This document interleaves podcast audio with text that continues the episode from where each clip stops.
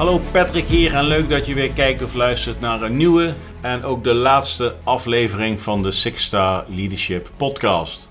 Nou, of je nu op Spotify, Apple Podcasts of uh, YouTube aan het kijken bent, uh, uh, dankjewel voor het volgen het afgelopen jaar. ben je nog niet geabonneerd? Nou, doe dat meteen eventjes op de button. Ja, dus klik op subscribe, op, klik op abonnee. En dan weet je zeker dat je ook volgend jaar al onze afleveringen gaat, gaat volgen.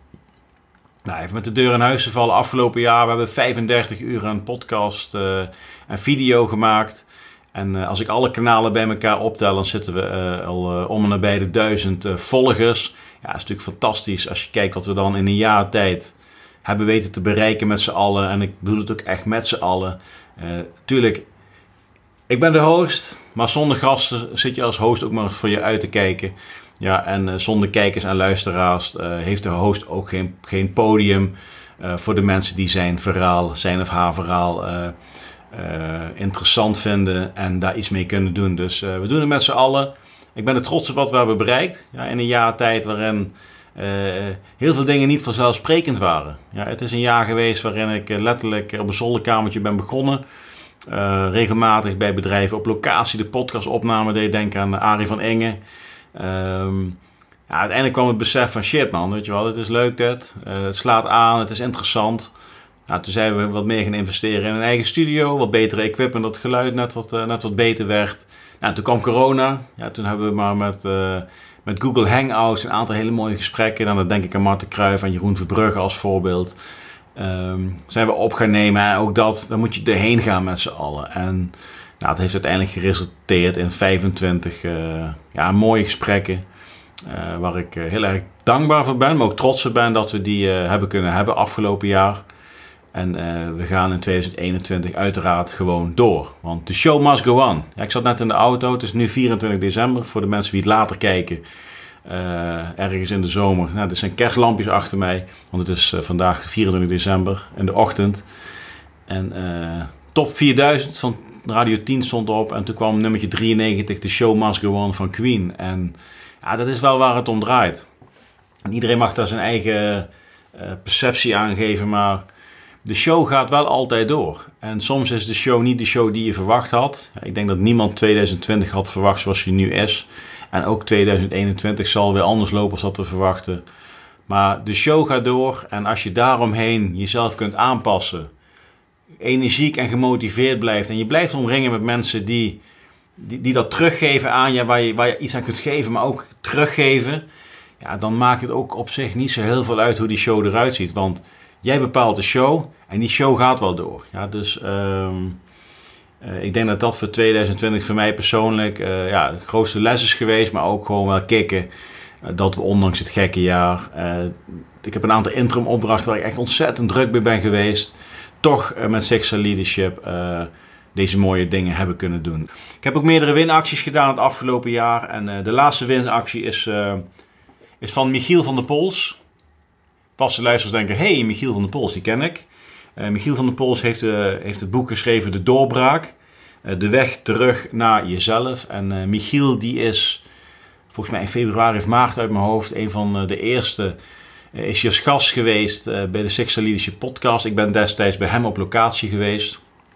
Dat was ook hilarisch trouwens. Hij heeft er een hele grote villa waar hij ook zijn eh, doorbraakcoachingen doet. En uh, dat was best spannend, want het was een van de eerste afleveringen. Dus ik loop vanaf Centraal Station in Rotterdam.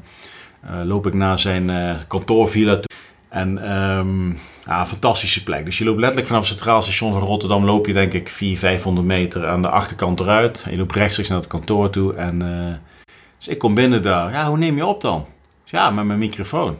Oh ja, oké, waar is die dan? Shit. Dus ik had mijn microfoon dus op het centraal van Rotterdam laten liggen. Ik teruggerend. Fuck, weet je wel. Snel teruggerend. Terug naar, uh, naar de villa toe. Het werd in één keer warm. Ja, super warm daar. En ja, uiteindelijk hebben we wel een, uh, een heel mooi gesprek opgenomen. En ja, dat zijn die kleine dingen waar je dan in zo'n jaar tegenaan loopt van... Fuck, camera vergeten. Ik heb één keer gehad dat ik um, opgenomen had, dacht ik.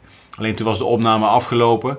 Toen uh, drukte ik hem uit en toen ging die video dus aan. Shit, opname mislukt. Nou, gas nog een keer terug laten komen. Ik heb één keer gehad dat ik een mooi nieuw cameraatje had gekocht. Had ik uh, ook hier in de studio. Het was een van de heetste dagen van het jaar. Nou, alles opgenomen, gesprek van anderhalf uur. Uh, bleek de camera door de hitte vastgeslagen te zijn. Had ik hem moeten koelen, stond later in het boekje. Wist ik niet. Allemaal van dat soort dingen maak je in een jaar tijd mee. En dat gebeurt allemaal aan de achterkant. Um, ondertussen heb je natuurlijk wel al gepost. Volgende week dinsdag komt online die en die. Nou, als je video mislukt, moet je met een hoop kunsten nog een keer een gesprek op gaan nemen. Ja, en dat, um, dat geeft wel heel veel uh, veerkracht. Als je dan uiteindelijk daar doorheen gaat, niet bij de pakken neer gaat zetten. Uh, met geluk van gasten die ook flexibel zijn. Uh, dan kom je een heel eind. Ja, dus dat is, dat is heel erg mooi. in ieder geval de doorbraak van Michiel van der Pols. Uh, Michiel heeft ondertussen zijn boek dus wel af en ik mag twee boeken weggeven. Uh, ik geef ze weg aan mensen die op mijn e- e-maillijst staan. Uh, de e-maillijst vind je in de beschrijving van de podcast, in de beschrijving van YouTube. kijk hem ook onderaan in de post waar je deze ziet, dan zul je ongetwijfeld dat, dat gaan vinden. dus twee keer de doorbraak geef ik weg. Zal op het einde van het jaar zijn. We hebben nog een weekje of misschien begin januari even kijken wat, wat het beste uit gaat komen. Uh, nou goed, de laatste, laatste podcast van dit jaar uh, uh, ben ik de gast bij Omroep V. een van de meest gestelde vragen het afgelopen jaar was eigenlijk... Uh, goh Patrick, je kunt echt supergoed luisteren, maar we zouden ook eens wat meer van jou willen weten. Ja, dat weet ik. En in 2021 denk ik ook dat ik wat, wat vaker zelf wat, wat dingen ga delen. en daar ook misschien een vraag en antwoord, een Q&A-achtige omgeving om creëer. Waarin ik vragen ga beantwoorden van luisteraars... Um, maar ik ben te gast geweest bij Omroep V, eh, bij Ivo Recour. En uh, Omroep V is het voormalige veteranenradio. En ze hebben een, uh, een serie, De Frontlinie heet dat. En de Frontlinie gaat over mensen die op uitzendingen zijn geweest. En uiteindelijk in, het, in de burgermaatschappij hun draai hebben gevonden. En in de Frontlinie praat Ivo met mensen over hun ervaringen tijdens die uitzendingen. En wat ze uiteindelijk nu aan het doen zijn. Ja, dus ik heb daar bijna een uur gesproken met Ivo. Is denk ik een, eh, een mooi gesprek geworden. En ook voor de mensen die graag willen weten van... Goh Patrick, vertel eens wat meer over jezelf. Uh, dat was ook mijn motivatie om dit gesprek ook op dit kanaal te, uh, te plaatsen. Ja, dus een mooi gesprek om het jaar mee af te sluiten wat mij betreft. En volgend jaar gaan we gewoon weer, weer door waar we gebleven waren. We zullen iets meer de businesskant gaan aanraken, of minder de veteranenkant. want uiteindelijk willen wij met Sexual Leadership de verbinding maken tussen defensie en het bedrijfsleven.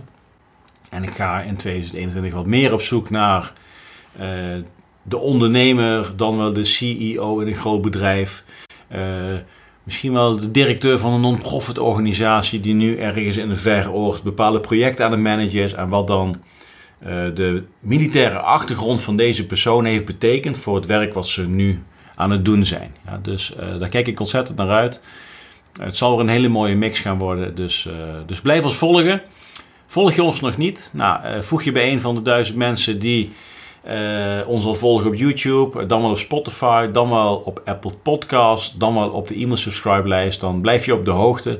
En dan delen we ook vaak gratis content en winacties, wat altijd goed is om te ontvangen, lijkt mij. Nou, tot zover. We gaan naar het gesprek. Ik wens jou veel luisterplezier, veel kijkplezier. Bovenal een heel mooi uh, 2021. Uh, zie je dit gesprek pas in 2021 of later, dan uh, wens ik jou een hele mooie toekomst. Ja, want dan zit ik altijd veilig met het, de gelukswensen. Ja, tot zover. En ik zeg Patrick hier, ik zeg veel plezier, ik zeg einde bericht. Welkom bij de Frontlinie, een podcast waarin ik, Ivo Recour, op zoek ga naar de vraag: wat heeft de uitzending je gebracht? In deze aflevering ga ik in gesprek met veteraan Patrick Koopmans. Patrick is werkzaam bij DPG Media en eigenaar van Six Star Leadership. Hij vertelt meer over zijn uitzendingen en wat het hem gebracht heeft tot de persoon die hij vandaag is. Patrick, welkom bij onze podcast. Leuk dat je er bent, man. Ja, leuk Igo. Dankjewel voor de uitnodiging. Ja, het is weer even geleden dat we elkaar gezien hebben.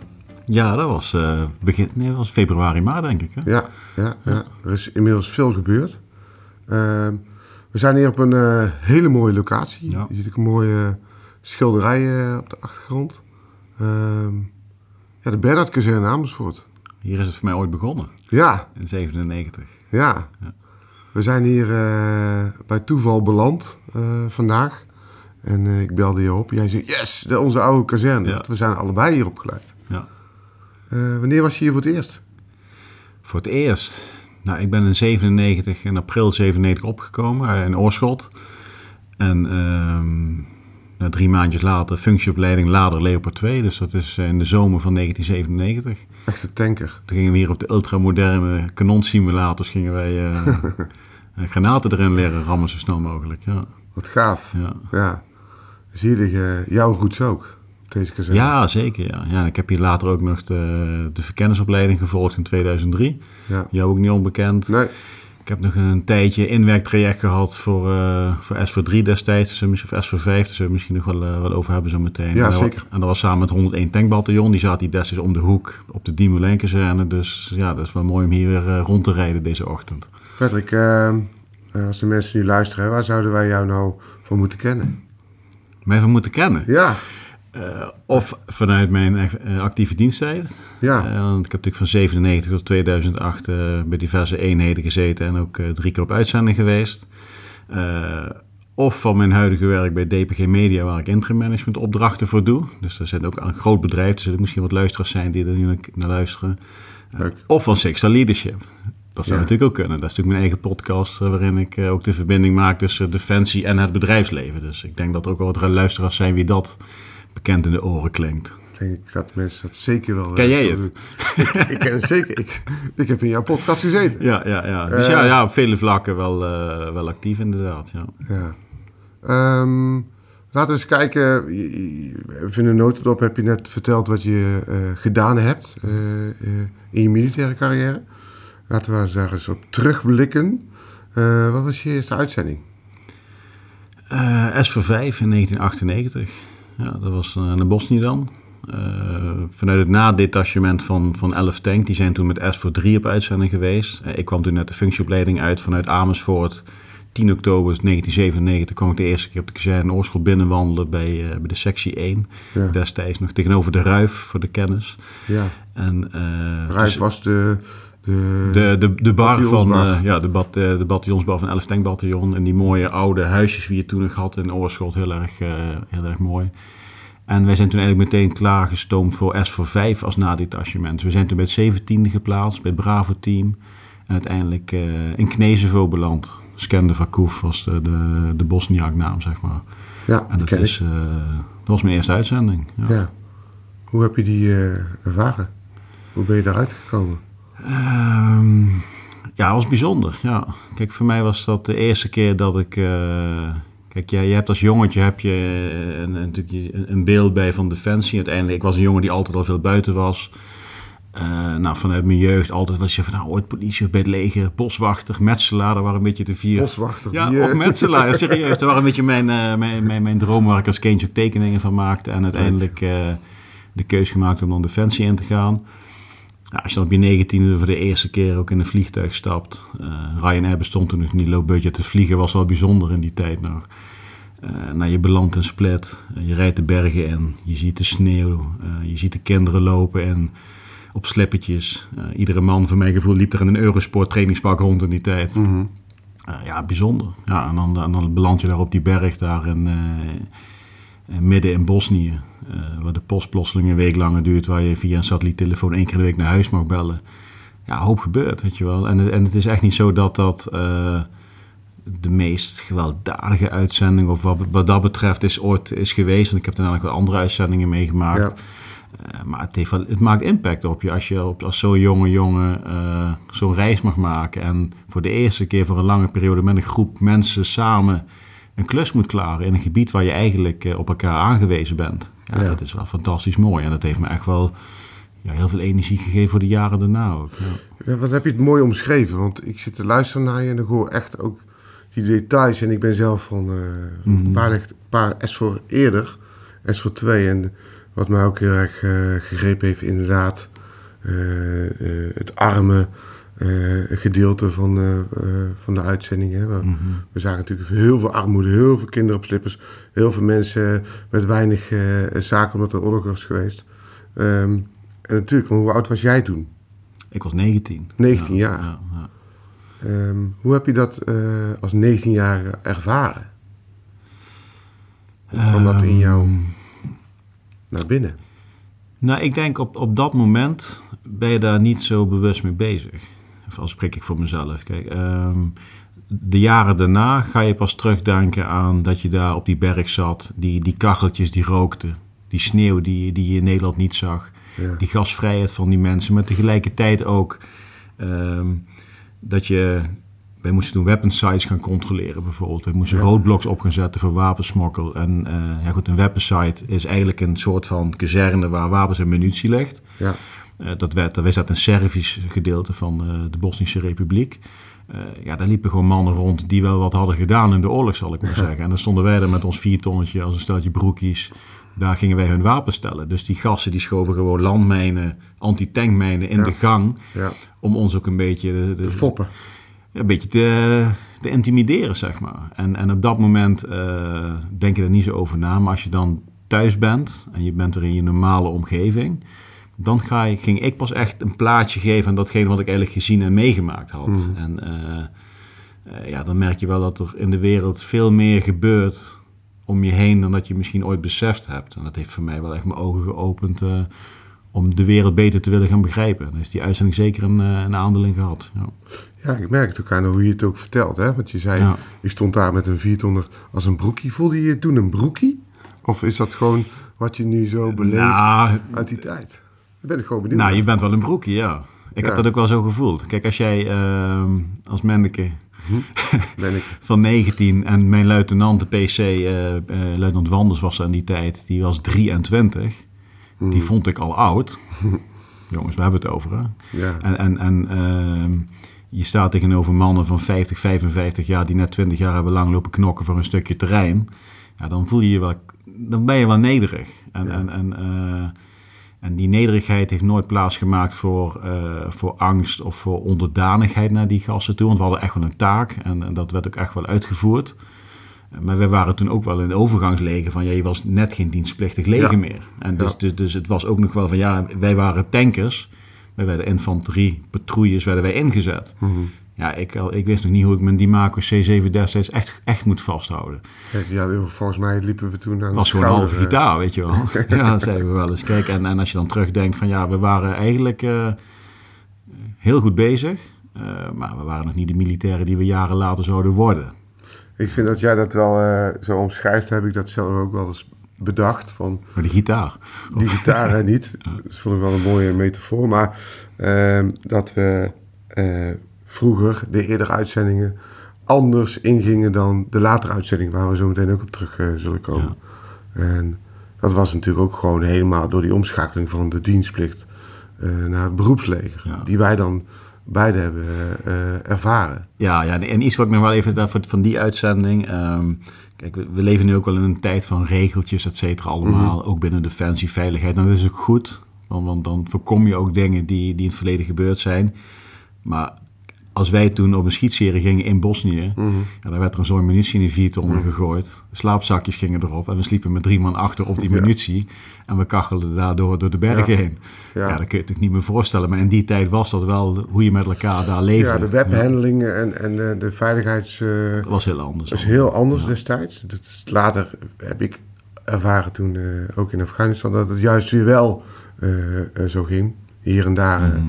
waren natuurlijk uitzonderingen. Ehm, die uitzending heeft veel indruk op je gemaakt, merk ik. Ja. Ehm, wanneer was je tweede uitzending? S voor 13, zoals 2002 was dat.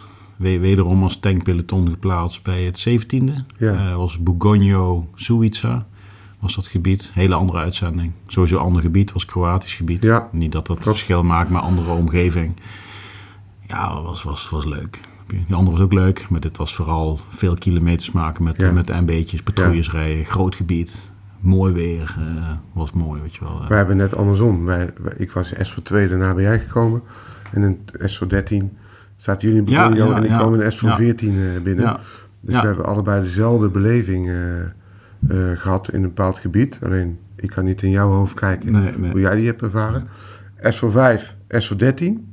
Eh, wat zit daar voor verschil tussen voor jou? Ehm nou, SV5 was ik, was ik huzaar. Ik was toen lader van de Leopard. Dus Ja. dan, dan, dan eh, met, met wachtmeester Berendonk, eh Raymond, die was de tankcommandant OPC ook. Ja, ja, echt pak, zeg maar. Ja. Als je nou luistert dan... eh? Ja, nee, ik heb af en toe eens contact met hem. Dus dat is, heel, dat is een fantastische tijd gehad. Ehm S14 of S13 was ik, was ik corporaal. En toen was ik ook zeg maar, binnen die setting van zeg maar, het peloton was ik ook plaatsvervangend groepscommandant. Dus dan ging ik ook mijn eerste eigen opdrachten uitvoeren met, eh, met twee MB'tjes, vier, vijf kerels mee. Zelf de patrouilles uitvoeren, patrouilleverslagen schrijven, dat soort dingen Ja. allemaal. Dat kwam er ook bij kijken. Dus dat was wel... Meer Dat, dat vond mijn ego ook heel erg leuk dat ik die dingen mocht gaan doen plotseling. Ja, ja en ik zelf ook uiteraard. Ik zie je ook helemaal eh, oplichten. Ja. Ehm, wa- wa- waarom eh, vond je dat dan zo fijn? Als je dan zo terugkijkt in die periode. Je was eerst huzaar, Mhm. je moest het nog leren. En nu was je op een uitzending en kreeg je verantwoordelijkheid. Wat vond je er fijn aan? Ehm, nou, ik vind, ik vind het eh, tot op de dag van vandaag, van vandaag en, en toen ook al, eigenlijk mijn hele leven al, vind ik het fijn en vind ik het leuk om ergens de leiding in te nemen en dan met een groep mensen iets creëren en bereiken. Kijk, Ja. en, eh, eh, maar zoals in ieder bedrijf zul je eerst je strepen moeten verdienen, letterlijk. Bij Defensie is dat letterlijk, maar ik denk dat dat overal zo is. Je moet eerst laten zien wie je bent, wat je kunt. En dan moet je het gaan doen. Kijk, en die S voor 5 uitzending was voor mij ook zoiets van, nou, je bent pas net binnen dit bedrijf, nog heel veel leren, Mhm. laat het zien. Eh, en met S voor 13 kreeg ik de kans om meer te gaan doen wat er ook waarschijnlijk al bij mij als potentie in zat. En Ja. dat kwam mooi samen de eerste keer. Zagen ze dat al in jou? Werd dat al bij jou verteld? Weet ik niet, door kaderleden? Nooit, nooit gevraagd, maar, maar ik, ik, ik denk wel op het moment dat je ergens een kans voor krijgt, dan ontstaat het omdat de mensen om je heen er ook wel iets van zien, denk ik. Ja. Zeker bij Defensie. Ja. Ja, en, en, en, en ik weet niet of jij dat ook zo hebt ervaren. Die kans dien je ook zelf te nemen. Dus Ja. als je de ervaring kan opdoen, in dit geval eh, als corporaal, eh, als plaatsvervanger, Ja. eh, patrouilles leiden, hè, wat normaal onderofficieren verrichten. Eh, dat is wel mooi natuurlijk dat je die, dat je die verantwoordelijkheid hebt gekregen destijds. Ja. Ge- Gevoelsmatig, S voor 5, S voor 13, wat, wat zie je daar eh, eh, in aan verschillen? Hoe heb je die... Wel- welk, welk aspect? nou, als je kijkt naar eh, SV5, ehm, daar kom je binnen als huzaar. Dan ben je nog zoekende, ben je nog niet, niet Mhm. ervaren. En een aantal jaren verder ga je dan nogmaals op uitzending, een relatief veilige uitzending. Ehm, nou, ik denk dat, de, dat de, de, de, het grootste verschil is, is de technologie die er toen al was. Kijk, toen wij in S4.5 hadden wij wel wat eh, aanslagen. We een keer een granaat over het hek gegooid of iets dergelijks. Dus, en er gebeurde wel eens wat. Dat zijn maar kleine dingetjes, hè? kleine dingetjes. Maar goed. Ja, ja, eigenlijk niet, maar goed. S413 was Kosovo-crisis. Ja. Dus toen gingen wij met onze voertuig gingen wij wegen blokkeren om te voorkomen dat militairen vanuit Bosnië richting Kosovo Oké. Ja. afgingen, zeg maar. Dus dat Ja. was ook wel een soort van geweldspectrum waar er kwam kijken. Uiteindelijk niks gebeurd. Het grote verschil was erin dat je eh S voor 5 moest je je brieven nog nummeren 1, 2, 3, zodat het thuisfront wist of de juiste brief als eerste was aangekomen. Ja. Want als ze brief 2 hadden gehad en brief 4 kwam, dan wisten ze dat brief 3 nog onderweg was. Ja. Dus daar kon ze rekening mee houden. Voor 13 hadden we al internet. Ja. Ja, dat En klopt. toen konden ja. we de auto al uitzoeken op, eh op Autotrack voordat we thuis waren, bij Ja. spreken. Was je toen al eh, zo met de technologie? Ik kan me herinneren dat ik dat nog helemaal niet eh, eigen was. En dan zat ik soms te kijken naar mensen en denken, hoe doen ze dat? E-mailen? Of, Ja, nee. ja. Nee, nee, goed. Ja, nee, maar bij later S5 had je natuurlijk die, die satcom, nee, die, die, die, die satellietteleefoontjes. Dan kreeg Ja. je zo'n kaartje en dan Ja. stond daar, die welfare telefoons was Welfare dat. was En dat, die kon je dan voor 50 dollar kon je zo'n ding kopen. En dan eh, moest je dat, die code intoetsen. En dan met die code kon je naar huis bellen. En als je zei hoi pap, moest je even drie minuten Over. wachten. En dan zei hij hoi Patrick, weet je Ja. wel. Dan, dan moest je echt een beetje trainen. En als de uitzending voorbij was, dan snapte Ja. je elkaar. Maar dan zag je elkaar op het vliegveld. ja, ja. S413 stuurde je een mailtje naar huis. Mooi, je hebt eh, de, de SVO-cyclus heb je eigenlijk helemaal doorlopen. Hè? Want Ja. daarna ging het al eh, vrij snel eh, over andere boeg. Volgens mij in die tijd kwam eh, zelfs al Irak voorzichtig om de hoek. Pelotons van, eh, ook van 101 tankbataljon. eh voor het eerst op een eh, op sfeer gingen. Hè? Ja. Wat was daarna je volgende uitzending? Afghanistan, TV4, 2007. Ja. En de, hoeveel jaar zit daartussen? Daar zit eh, poeh, zes, vijf jaar tussen, denk ik, ja. Hoe heb je die vijf jaar, hoe ben je daarin in je ontwikkeling gegaan?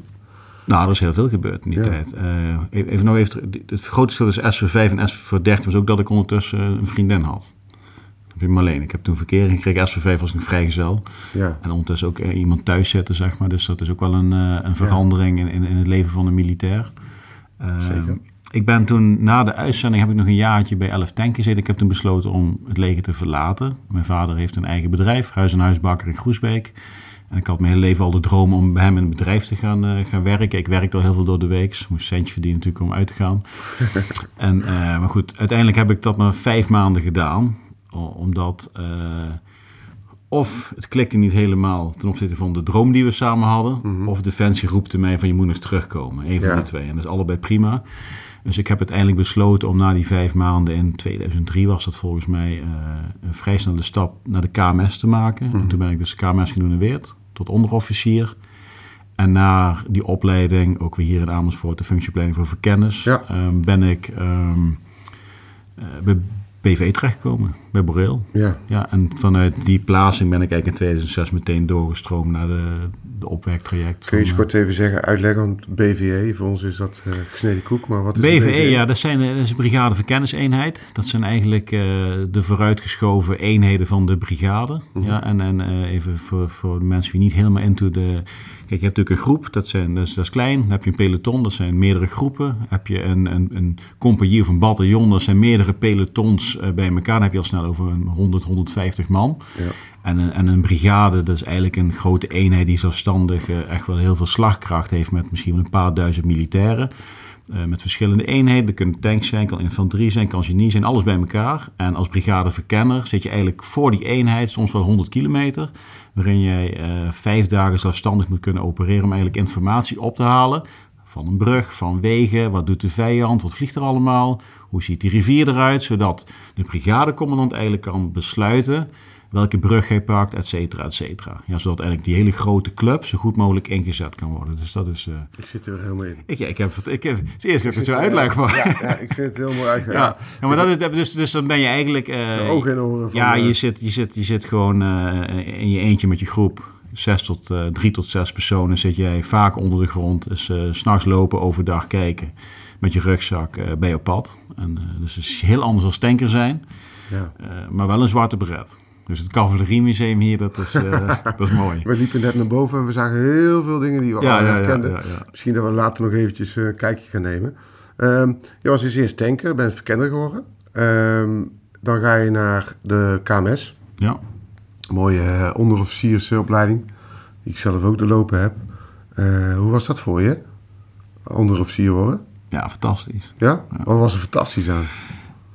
Ja, het is vakman, leider, instructeur. Kijk, Ja. en ehm, als, als ik iets... Ik, ik vind drie dingen leuk. Nog steeds is gewoon... eh, als je iets doet, doe het goed. Hmm. Ja, je wil, wil een vakman zijn in datgene waar je iedere dag voor opstaat. Dan heb je die leiders kunnen zijn voor, voor, voor, voor een bepaald doel. Ja. Soms is het met twee mensen, soms met twintig mensen, dat doet er Ja. niet toe.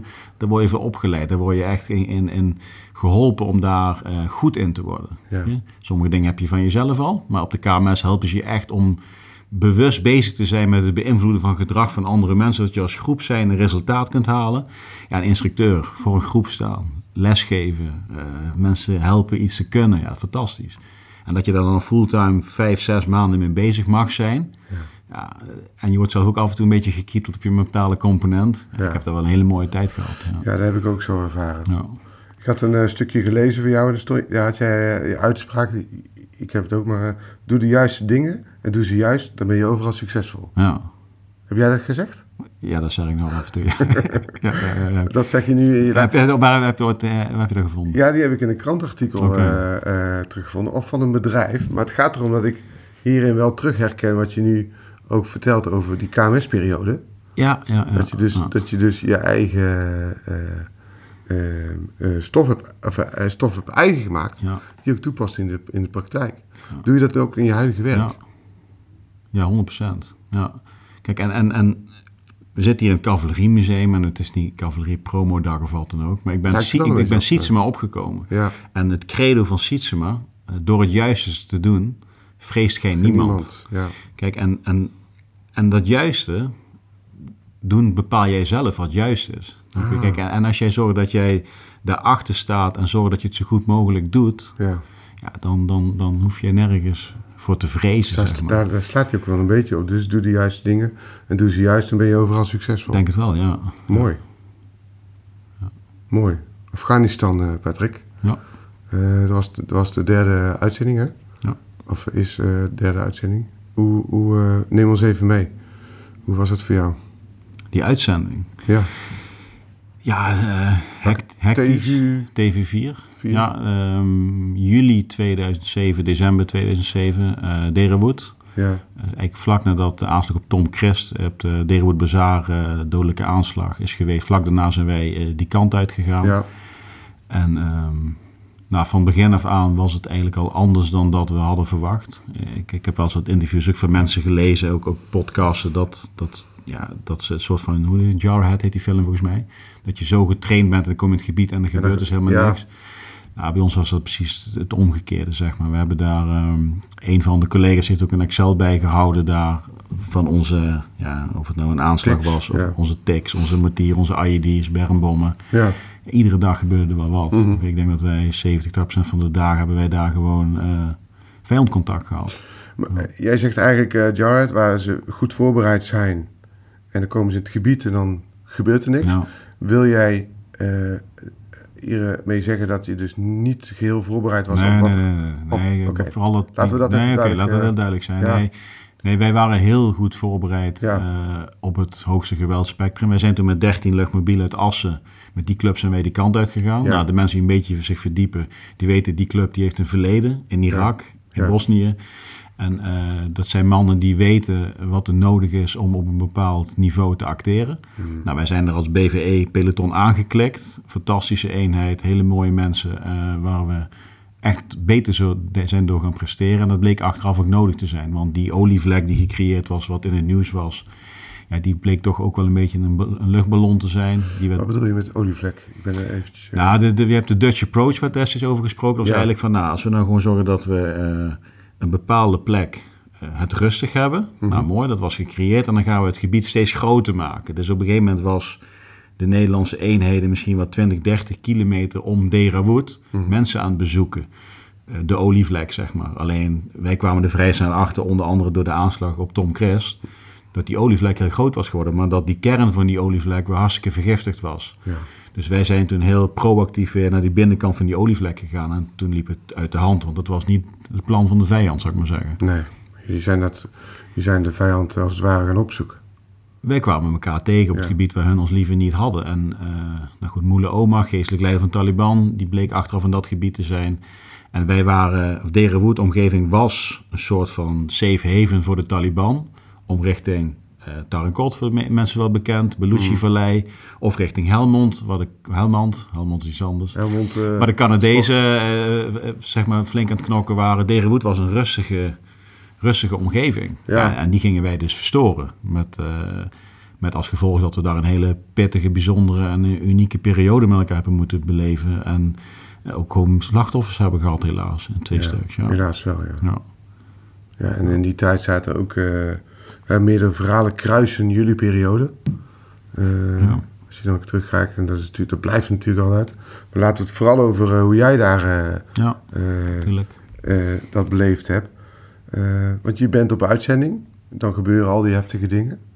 Je bent onderofficier inmiddels. Mhm. Maar wat, wat, wat doet dat met je? dat, eh, dat maakt je heel scherp. Dat is wat ik vooral heb bijstaan. En ehm, ehm, we, hebben een hele, we hadden een hele mooie groep eh, gasten bij elkaar. Als Ja. peloton zijn. Maar ik heb ook mijn, mijn, de Romeo groep. Dat is echt mijn, eh, mijn, mijn, mijn, ja, mijn, mijn bloedbroeders ondertussen, zeg maar. En eh, ja, je hebt er een hele mooie rol in kunnen vervullen als leidinggevende om die gasten dusdanig in het voortraject al naar een niveau te ondersteunen Ja. waarin we echt gewoon heel, heel goed zijn geworden. En Ja. dan zie je in die uitzending dat je dan leiding mag geven aan die club, terwijl je ehm, ja, onder zware vuurgevechten zit. Dat je be- met RPG's bestoken wordt als je met je EPR aan het rijden bent. Dat er dodelijke slachtoffers vallen. Ja. Ja, dan, dan kom je jezelf wel heel hard tegen. In positieve zin. Maar uiteraard zit je ook wel eens dan s'avonds naar de sterren te kijken en denk je van fuck, ga ik nog thuiskomen? Ik heb echt dagen gehad dat ik dacht van ik ga niet meer thuiskomen. Ja, dat is wel heel bijzonder als je daarop terugdenkt. Dat je je bij neer hebt gelegd dat je gewoon waarschijnlijk het misschien ook niet kunt gaan redden. Hoe, hoe ga je daar eh, mee om? Hoe heb je dat eh, omgebogen? Je bent aan het kijken naar de sterren. Ja, Je hebt die gedachte, hoe sta je dan weer op? Hoe ga je dan weer verder? Hoe, ik luister muziek. de muziek? Ja, ik luister muziek. En Ja. eh, ehm, ik luister de muziek en ik heb vol overgave alles gegeven als leidinggevende aan, aan de mensen waar ik mee samenwerkte. Kijk, en, Ja. en, en, en die combinatie laat je inzien dat je het wel gaat redden met z'n allen. Kijk, en dat sterker is dan dat moment. En Ja. dat is natuurlijk ook een beetje die, ja, die saamhorigheid en die band die je met elkaar opgebouwd hebt in het voortraject al. Mhm. Ja, dat is wel de beslissende factor of jij als eenheid zijnde net dat verschil kunt gaan maken of dat je zeg maar in je schulp kruipt. Ik, ik, ik hoor eh, iets heel moois. Jij hebt ook eh, die keuze gemaakt toen hè, om, om zo te gaan werken. Je bent onderofficier. Ik weet ook dat je een erg bedreven eh, man bent, ook eh, in wat je nu doet. hè, om mensen eh, in positieve zin eh, te beïnvloeden, te motiveren. Heb je dat toen daar geleerd? Of zat dat al in jou? Ik heb daar heel veel geleerd. Ehm, ik, denk dat, ik denk ook dat je heel veel dingen kunt leren die niet in je zitten. Mhm. Ehm, Wat, bedoel, wat bedoel je daarmee? nou, kijk, de dingen die ik heb geleerd, of de dingen die ik heb, kan, kun je overdragen aan mensen die daarvoor openstaan. Snap je? Dus het is niet per definitie dat je dingen moet hebben. Ehm, wat, ik wel in, wat ik in Afghanistan heb gedekt door de extreme situaties, eh, dat ik bepaalde dingen binnen mezelf heb gevonden Mhm. die ik wellicht nog niet kende. Ja.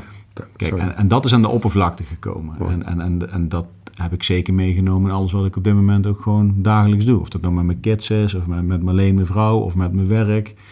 Eh, dat is gewoon waardevol. En daar ben ik eeuwig dankbaar voor dat ik dat cadeautje, ja, ze zeggen wel, het was de uitzending voor niks. Ja, er is heel veel moois uitgekomen. ook, Ja. En, en daar ben ik wel dankbaar voor. Ja, het is, het is, het is heel eh, cliché eh, inderdaad dat, eh, dat als je een uitzending hebt gedaan, heb je heel veel levenservaring opgedaan. Dan is de vraag, welke ervaring bedoel je dan? Eh, je, je nou, nou haal je iets heel specifieks aan, waar je ook eh, nu in dagelijks leven dus iets aan hebt.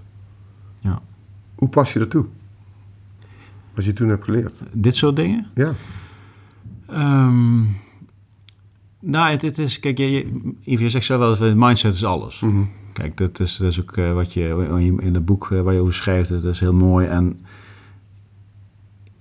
ik leef met, met, met het gegeven dat eh, als je iets doet, ja, ehm, doe het dan vol overgave of doe het niet.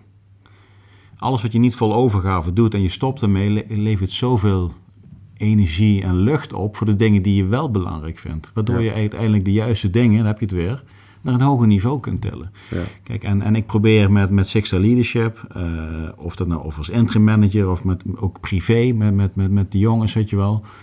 ehm, leef dat gewoon. Le- probeer het altijd te doen. En, en, en dat is echt wel iets wat in Afghanistan. eh, ja, het is gewoon mooi. Ja, ik kan het niet anders vertellen. Het is gewoon mooi als je dat op die manier doet. Mhm. En eh, ja, heb ik dan die uitzending voor nodig gehad, onder andere. jij zei, iedereen, of dat kan je leren. Eh, had, jij, had jij ook voorbeelden hier, hiervoor? Had jij mensen om je heen die zo waren? Die al eh, het, het voorbeeld aangaven van die drive, die motivatie? Ehm, Of kwam het echt puur uit jouzelf? Kwam het uit Nee, nee, nee, nee. Ik, ik, ehm, omdat je op een bepaalde manier ehm, dingen ervaart en ook dingen gaat, eh, gaat opzoeken, eh, komen dingen ook op je pad. En, en kijk, ik heb met, eh, met Erik Brakert, dat, is, was onze commandant in Ja. En zo zijn er nog meer mensen, maar dat is iemand die ik ook graag benoem, omdat ik die ontzettend te veel respect voor heb. Ja, Ja, dat, dat was een leider. Ja, dat was fantastisch. En die man die was er altijd. Die was altijd positief. Die was altijd concreet. Je? En die gaf je altijd een knuffel als het nodig was. Ja, die combinatie, dat soort mensen, ja, die, die vormen wel hoe je bepaalde dingen opneemt ook. Je bent uiteindelijk ook een spons van wat je omgeving je teruggeeft. Je ziet ook meteen welke voorbeelden je dus niet in je omgeving moet hebben. ja kijk, een beetje wat jij nu zegt eh, over een knuffel. En dan zit ik gelijk zo en denk ja, ik was ook best wel af en toe van... eh, kom op man, eh, maar in de harde wereld van, van het leger, het militair zijn... Nee, maar eerst ook een beetje presteren is gewoon... ego... eh, presteren eh, eh, moet samengaan Hmm. met soft skills. 100%. Ja. En, en, en de soft skill is dus die knuffel geven, maar ook die knuffel incasseren. mhm. Snap je? En, en, en presteren is tegen iemand zeggen wat jij denkt, maar ook die ander hoeft daar niks mee te doen. Kijk, en als je dat kunt creëren, eh, en je bent als leidinggevende of als leider, in dit geval Erik, eh, en ik, ik denk dat ik zelf ook op die manier eh, heb getracht te functioneren. En dat heb ik denk ik ook goed kunnen doen, gelukkig, met de mensen waar ik mee werkte. Ja. Ehm, kun je die combinatie fantastisch maken. alleen in het dagelijks leven ben je niet in een oorlogssituatie. Nee. Zit je niet met een groepje mensen die allemaal dezelfde manier van leven hebben. Nee. Dus je moet daar een balans zien te Vind je dat uh, toen jij het leger uitging, liep je daar misschien tegenaan? Tegen dat soort zaken? Letterlijk en figuurlijk. Nou, ik liep tegen mezelf wel. Ja. Ja, ik liep tegen mezelf wel. Want, want jij hebt een bepaalde manier, je, bent eigenlijk geconditioneerd in de manier van denken door jouw militaire voorbeelden ook, maar ook hoe je zelf uh, uh, daarin staat. Ja. Kijk, en als je dan de burgermaatschappij inloopt. Ik ben toen in 2008 bij de telefoongids begonnen. Dat was eigenlijk mijn start als in de burgermaatschappij ging advertenties verkopen. Mm ja, voor mij was het heel simpel. Als de baas vraagt, dan doen we het gewoon. Ja. Uh, maar de rest had het over bonussen of over de leaseauto wanneer die afliep. En ik dacht Ja. van ja, maar jongens, Ja. er is toch veel meer. En alleen ik zat mezelf vooral dwars. Want ik, ik hoef niks te vinden wat, hoe anderen in het leven staan. Dat, dat, dat doet mij, eh, moet mij niks doen. Je oordeelt niet over andere mensen, bedoel je? Dat, dat, is heel, ja, dat is heel moeilijk. Kijk, en, en eh, zeker in die tijd dat ik, eh, en, ik- en ik zie dat nou ook nog wel steeds bij jongens die het leger uitgaan of willen uitgaan. Kijk, we, je gaat vaak vergelijken met het, het, de burgermaatschappij. Ja. Maar je moet niet vergelijken, je moet dicht bij jezelf blijven. En zeker die eerste paar jaar. Nou goed, je komt uit een situatie zoals ik hem omschreef in Afghanistan. Ja, je loopt het bedrijfsleven en ja, je zit vol met oordelen over je nieuwe wereld. Ja. Want, want zeker als militair, je bent best wel-. Hij is onbekend. het is onbekend, maar het is ook een Ja. stukje angst van, goh, pas ik hier wel? En misschien moet ik teruggaan. Je ego zegt van, gaat ik terug het leger in, gaat ik terug het Mm. leger in, omdat daar ben je goed, daar word je gewaardeerd. Maar het ene, die grootste les is dus om te leren van je nieuwe omgeving. Ja. En, en, en ik heb heel veel dingen, wat ik zeg, ik ben dankbaar voor de dingen die ik mee heb gekregen. Ja, Eh, maar ik ben ook dankbaar voor alles wat ik heb moeten afleren ja. eh, zelf, om uiteindelijk ook de jongen en mens te worden wie ik nu ben. Want ik was ook gewoon af en toe wel een botte lul. Ja. Ben je dat nu niet meer? Nee, joh, hartstikke lief nou. Nee, je kunt wel steeds bot zijn, maar kijk, het, het, is, het is toch een, eh, een proces waar je erheen moet. En, Ja. en het is echt niet zo dat iedere militair eventjes de burger in gaat en dan met zijn verhaal het kan gaan doen. Je hebt ook als mens gewoon weer je daar aan te passen. Ja, ik, ik, ik, ik beaam wat jij zegt, dat je eruit komt dat je dan eh, tegen jezelf aanloopt. Eventjes. ja. Eventjes, een paar jaar. Eh, ik ben coachingsopleiding gaan doen. Ik ben ook in de persoonlijke ontwikkeling gaan, gaan kijken. Hoe doe jij dat? Doe je dat? Ben jij in die wereld actief? Of ben jij Ja, ja, puur op eh, eh, autodidact bezig? Nee, nee, ja, wat leuk dat je dat vraagt. Ehm, eh, ik, ik, ben, eh, ik ben bedrijfskunde gaan studeren, omdat ik plotseling eh, ja, leidinggeven, dat lag me wel. Was ik voor opgeleid, had ik ervaring mee, dus ik werd heel snel leidinggevende binnen de telefoongids. Maar ik zat plotseling in boardrooms waar ze over termen spraken die ik niet kende. En toen zei mijn manager van misschien moet je bedrijfskunde gaan studeren. Dus ik heb toen vier jaar lang in de weekenden eh, in de boeken gezeten. Ja, Ik ben, eh, mijn MBA, of niet, mijn- bachelor heb ik, eh, heb ik gehaald.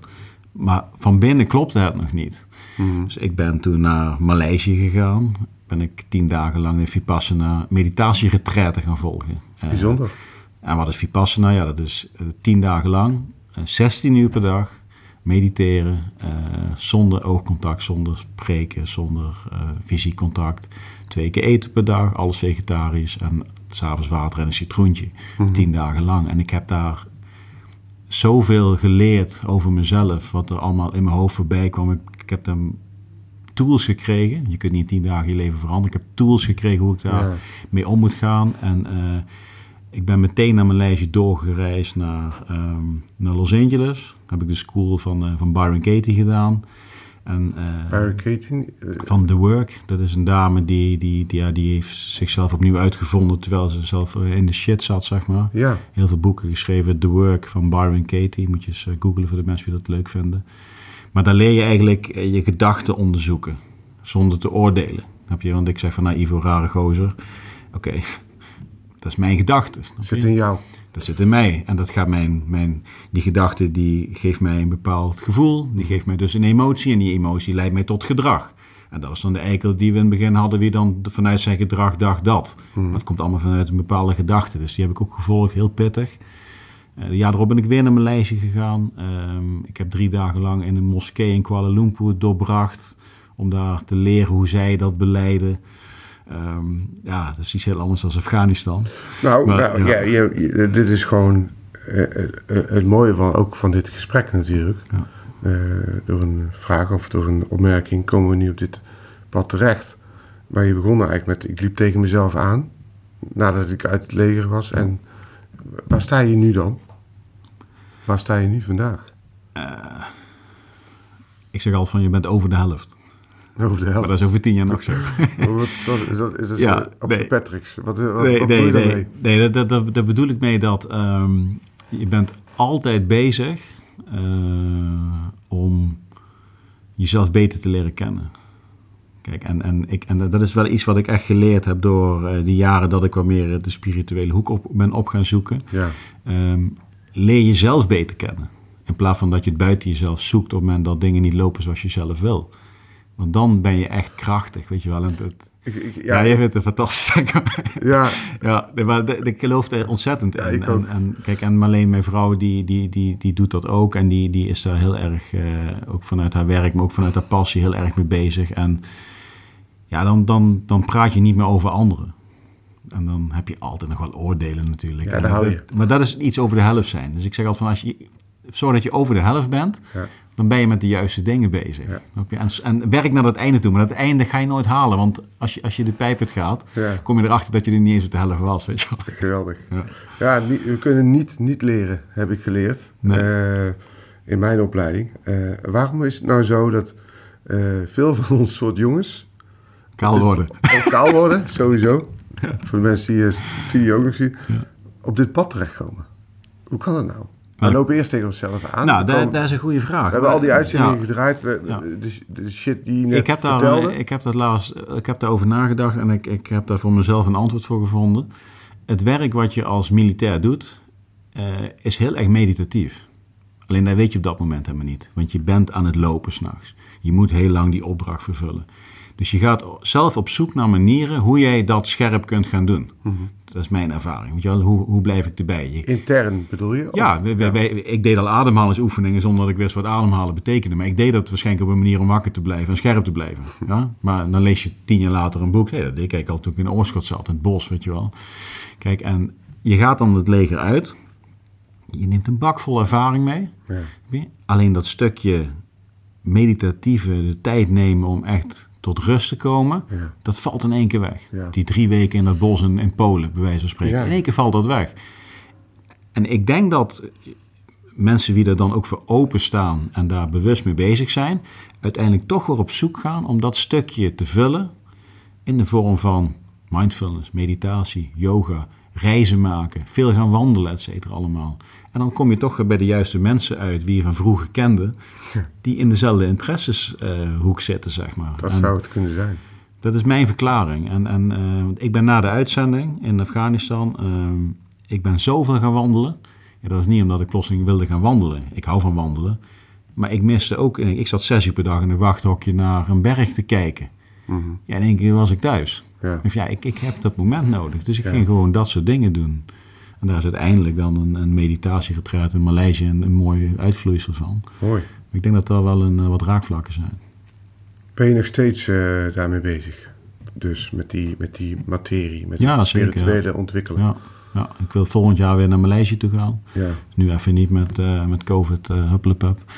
Ja, en um, nou, kijk, een, een, maatje van me is deze week overleden, Dolf. En uh, wil ik toch even benoemd hebben. En ik heb met hem ook een heel mooi gesprek gehad, uh, een paar maanden voordat hij over, overleden is, over, uh, over de dood, zeg maar. Over, over leven na de dood, over... En als je dan met zo'n jongen spreekt die weet van, nou, over een paar maanden is mijn leven hier eindigd, dan voel je dat er meer is. Dat voel je gewoon, weet je wel. En, en, ik, en, ik, en ik probeer ook op die manier erin te staan van, ja, weet je wel, alles is energie, alles is mindset. Kijk, en als je, uh, ik, ik, wil daar juist nog meer bewust mee bezig zijn. Mooi. Mooi dat je ook over die mindset begint. En ik weet, ja, daar heb ik dan een stukje over geschreven mm -hmm. in mijn boek. Uh, en, en het raakt me ook dat je nu dan over uh, je maat, je kameraad spreekt, die ik dan ook wel ken als wapenbroeder. Um, en dan zegt, zeggen mensen vaak, dit is het leven. Ja, dat is het ook zo. Eh, eh, we dienen er wel mee om te gaan. Of dat, eh, we moeten het wel weer incasseren. En, en met dat incasseren gaan we er iets- weer iets mee doen. Ja. Ehm, drie uitzendingen. En wat doe je nu? Nu ja, wat, ik het begin ook al wat, wat zei. ehm, ik doe interim managementwerk voor, Ja. eh, voor grote bedrijven. In dit, dit moment is dat al iets meer dan een jaar voor DPG Media. Dat is eigenlijk het grootste mediabedrijf van, eh, van Nederland. Bekend van bekende kranten, maar ook van Q-Music en Nu.nl. En maar ook van de lokale dagbladen. Dat is heel erg leuk. Ik, ik ondersteun daar salesregio's. Eh, met name ook vanuit leiderschap, team performance. Ook dingen waar we zojuist over gesproken hebben. Ja. Eh, daarnaast heb ik de Six Star Leadership podcast. Ben ik eh, eind 2019 begonnen. Eh, hartstikke leuk. Ik heb je ook nog als gast eh, mogen ontvangen. En eh nou, dit jaar hebben we een podcastnominatie voor ontvangen. Dus ook wel heel dankbaar. En dat groeit en steeds meer luisteraars en mooie gasten. Dus ik krijg heel veel energie van. En Six Star Leadership als merk, dat is iets wat, wat staat voor ja, het, het, het overstijgen van je resultaten. Ik zeg dus van nou, iedereen heeft zijn eigen startpunt. En als je kunt groeien naar datgene wat je nooit zou verwachten dat je het zou kunnen bereiken, dat is Ja. Six Star Leadership. En ik heb daar mooie programma's en thema's voor om met bedrijven aan de slag te gaan. En de- die drie, vier dingen doe ik allemaal samen. En ik ben ook nog jeugdcoördinator van eh, Geel-Wit, het halen en van het voetballen. En ik heb veel tijd met mijn kids. Dus, eh, Je woont nu in Haarlem. ja, ja. Waarom?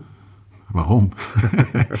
Goeie vraag. Nee, nou, ik ben geboren in Nijmegen. Ik heb daarna tot mijn dertigste in Groesbeek gewoond. Mooi Groesbeek tussen de heuvels. En ehm, uiteindelijk verhuisd naar Milsbeek. Dorpje aan de andere kant van de heuvels, net Limburg. Ik heb ook nog eventjes in Limburg gewoond dus.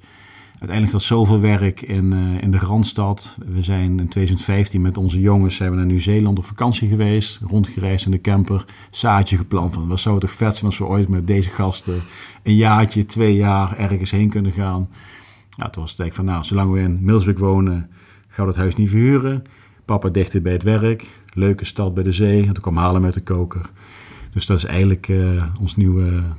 Ik zie soms de foto's voorbij komen, lekker aan het strand. Ja, maar het is fantastisch wonen daar. Ik ga binnenkort, eh, kom ik langs bij je. Ja, ja, ja, ja, ja. Alle, alle zaken die we nu besproken hebben, als je nou mag samenvatten in een aantal zinnen, wat hebben die uitzendingen eh, met je gedaan?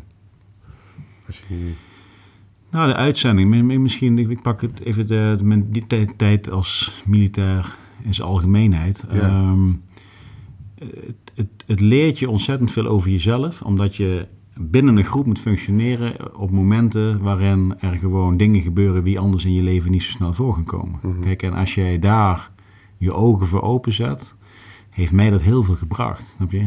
Ik, ik ben ooit door mijn wachtmeester op de plek gezet omdat ik geen rekening hield met mijn collega's. hmm, Maar ik ben ook bedankt voor het leiderschap wat ik heb getoond door de collega's op andere momenten. Nou, dat allemaal tezamen in 12 jaar tijd. Ja, dat is gewoon voor mij heel waardevol. En ik, eh, ik kijk er nog iedere dag. Ik denk niet iedere dag aan mijn tijd als militair. ja, Maar ik ben wel een paar keer per week bewust van het feit van dat degene wie ik ben voor een heel groot deel is ontstaan uit de periode bij het leger. En, Hmm. en dat, dat, dat gun ik iedereen. Ja. ja? Ja. En als je dan zegt iedereen, bedoel je dan echt iedereen? Ja. Ja, Of ik, ik sluit geen mensen uit. Maar Nee. Kijk, eh, iedereen die, die, die, die een goede basis wil leggen voor, voor zichzelf, voor de rest van zijn leven. Zeg van, nou, ga eens een paar jaar bij Defensie. Eh, welk wapenvak, et cetera, politie, marechaussee, branden, dat soort vakken. Je leert, je leert daar gewoon ontzettend goed met jezelf en met je omgeving omgaan. Ik denk dat dat het meest waardevolle is wat je in het leven maar kunt doen. Goed voor jezelf zorgen en dan een doel dienen waar iedereen profijt van kan hebben. Kijk, en, Wat zou je mensen eh, die nu luisteren dan als tip, als waardevolle informatie willen meegeven van jezelf? Van mijzelf. Ehm, Luister naar je gevoel. Ja. Mooi. En niet alleen luisteren, doe er ook iets mee. Actie nemen. Ja. ja. Actie.